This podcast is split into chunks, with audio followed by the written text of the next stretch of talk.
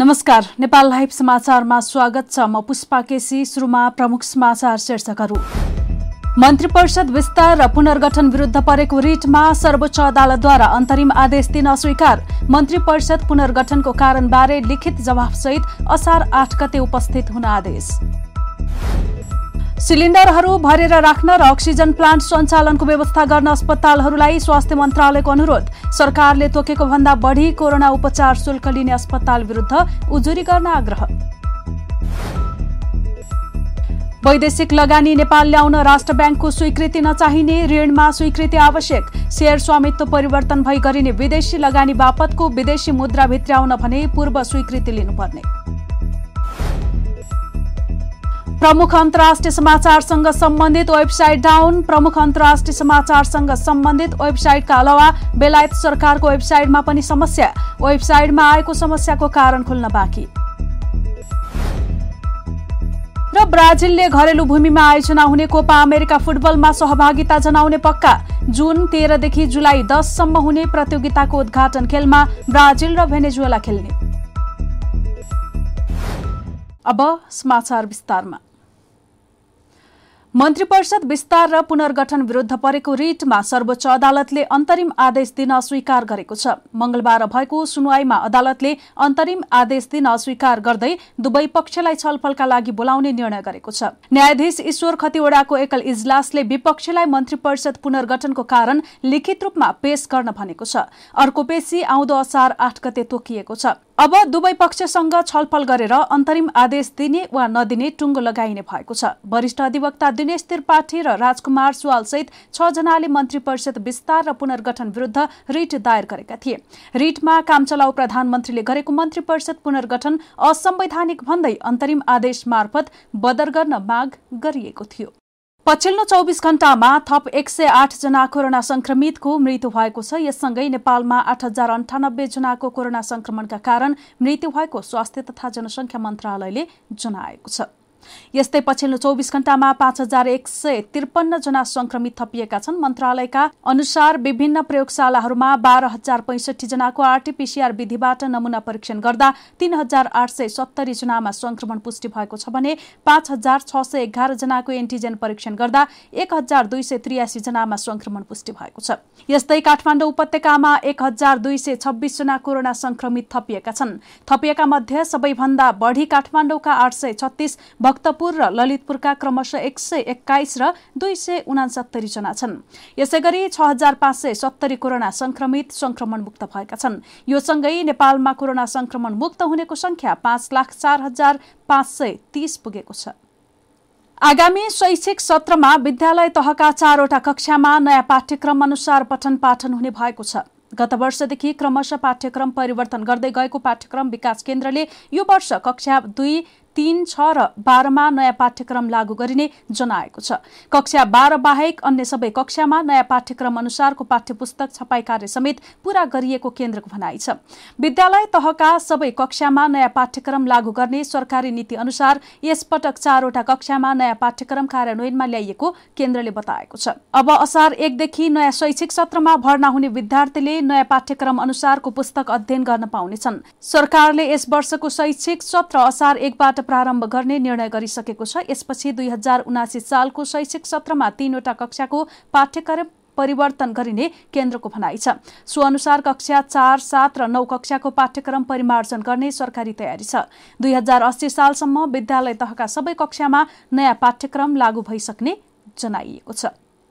स्वास्थ्य तथा जनसंख्या मन्त्रालयले अस्पतालहरूलाई अक्सिजन सिलिन्डरहरू भरेर राख्न तथा अक्सिजन प्लान्ट जडान तथा ट्याङ्करहरू मर्मत गरी पूर्ण क्षमतामा सञ्चालन हुने व्यवस्था गर्न अनुरोध गरेको छ। मंगलबार एक सूचना जारी गर्दै मन्त्रालयले संख्यात्मक रूपमा कोरोना संक्रमण केही कम भएको जस्तो लक्षण देखिए पनि महामारीको उच्च जोखिम कायम रहेको जनाएको छ।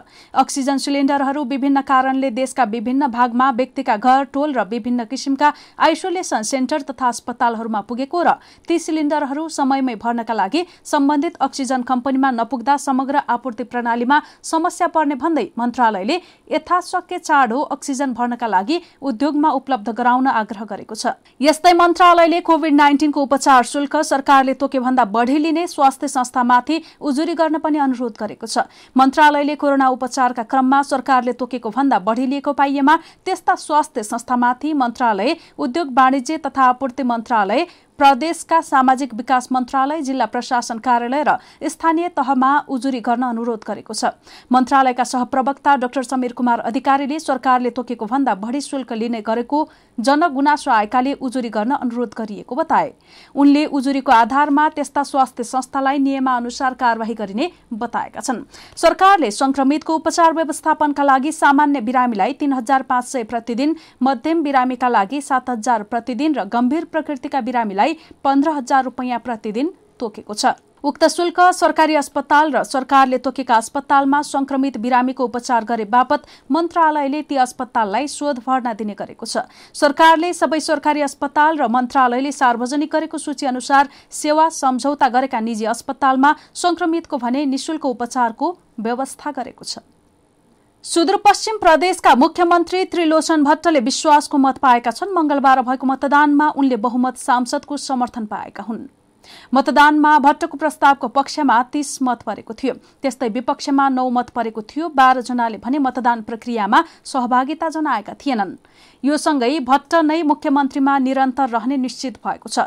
भट्ट दुई हजार चौहत्तर सालमा मुख्यमन्त्री नियुक्त भएका थिए। भट्टलाई माओवादी केन्द्रका अतिरिक्त एमालेको एक पक्षले सघाएको थियो कंग्रेस भने तटस्थ बसेको थियो। माधव पक्षले विश्वासको मत नदिएर अपुग हुने स्थितिमा मात्रै कंग्रेसले मत दिने निर्णय गरेकाले कंग्रेस तटस्थ बसेको हो। भट्टलाई माओवादी केन्द्रको तेह्र एमालेका माधव पक्षबाट सत्र मत प्राप्त भएको छ। प्रदेशसभामा एमालेका पच्चीस माओवादीका तेह्र कंग्रेसका बाह्र जसपाका दुई सांसद छन्।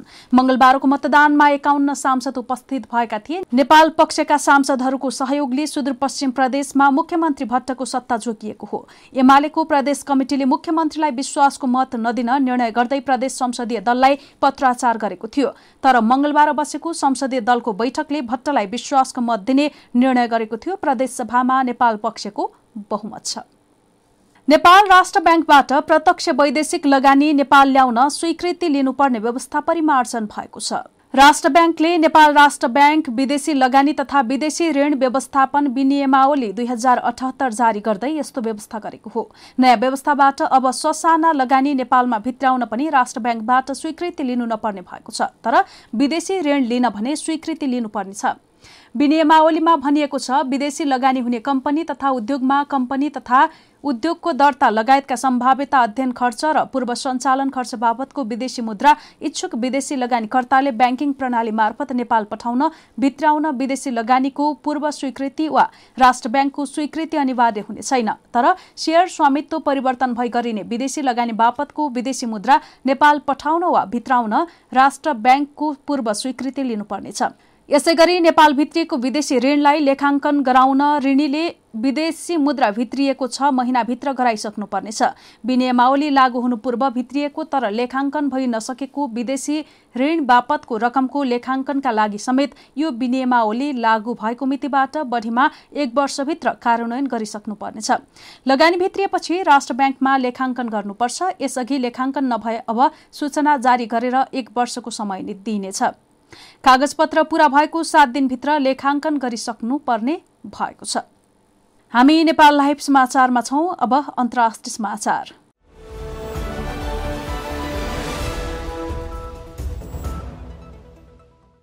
प्रमुख अन्तर्राष्ट्रिय सञ्चार माध्यमका वेबसाइटहरू डाउन भएका छन्। मंगलबार दिउँसोबाट प्रमुख अन्तर्राष्ट्रिय समाचारसँग सम्बन्धित वेबसाइटका अलावा बेलायत सरकारको वेबसाइटमा पनि समस्या आएको हो। Guardian Financial Times New York Times Independent लगायतका साइट डाउन भएका हुन्। त्यस्तै BBC CNN Al Jazeera media नेटवर्कमा पनि समस्या आएको थियो। अन्तर्राष्ट्रिय सञ्चार माध्यमहरूले एकैपटक किन वेबसाइटमा समस्या आइरहेको छ भन्ने बारे केही उल्लेख गरेका छैनन्।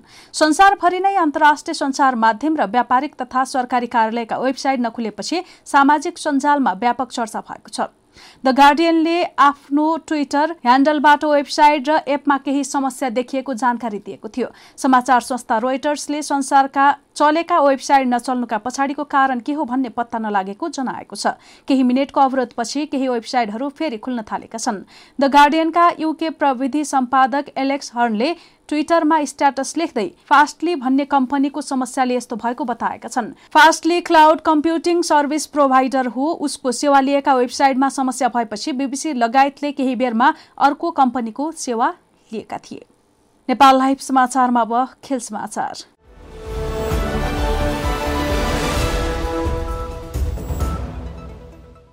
ब्राजिलले घरेलु भूमिमा आयोजना हुने कोपा अमेरिका फुटबलमा सहभागिता जनाउने पक्का भएको छ। ब्राजिल फुटबल कन्फेडरेसनका कार्यवाहक अध्यक्ष एन्टोनियो कार्लोसले टिमले कोपा अमेरिका फुटबलमा सहभागिता जनाउने पुष्टि गरेका हुन्।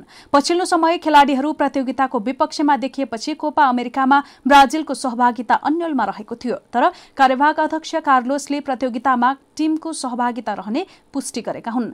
आयोजक राष्ट्र ब्राजिलका कप्तान कासिमिरो सहित अन्य देशका खेलाड़ीहरू कोपा आयोजनाको विरोधमा देखिएका छन्। लुइसवारेज एन्डिन्सन काभाने जुआन क्वाड्रो लगायतका खेलाड़ीहरू कोपा रोक्नुपर्ने पक्षमा रहेका छन्। कोरोना महामारीको समयमा स्वास्थ्यलाई प्राथमिकता दिनुपर्ने उनीहरूको माग रहेको छ।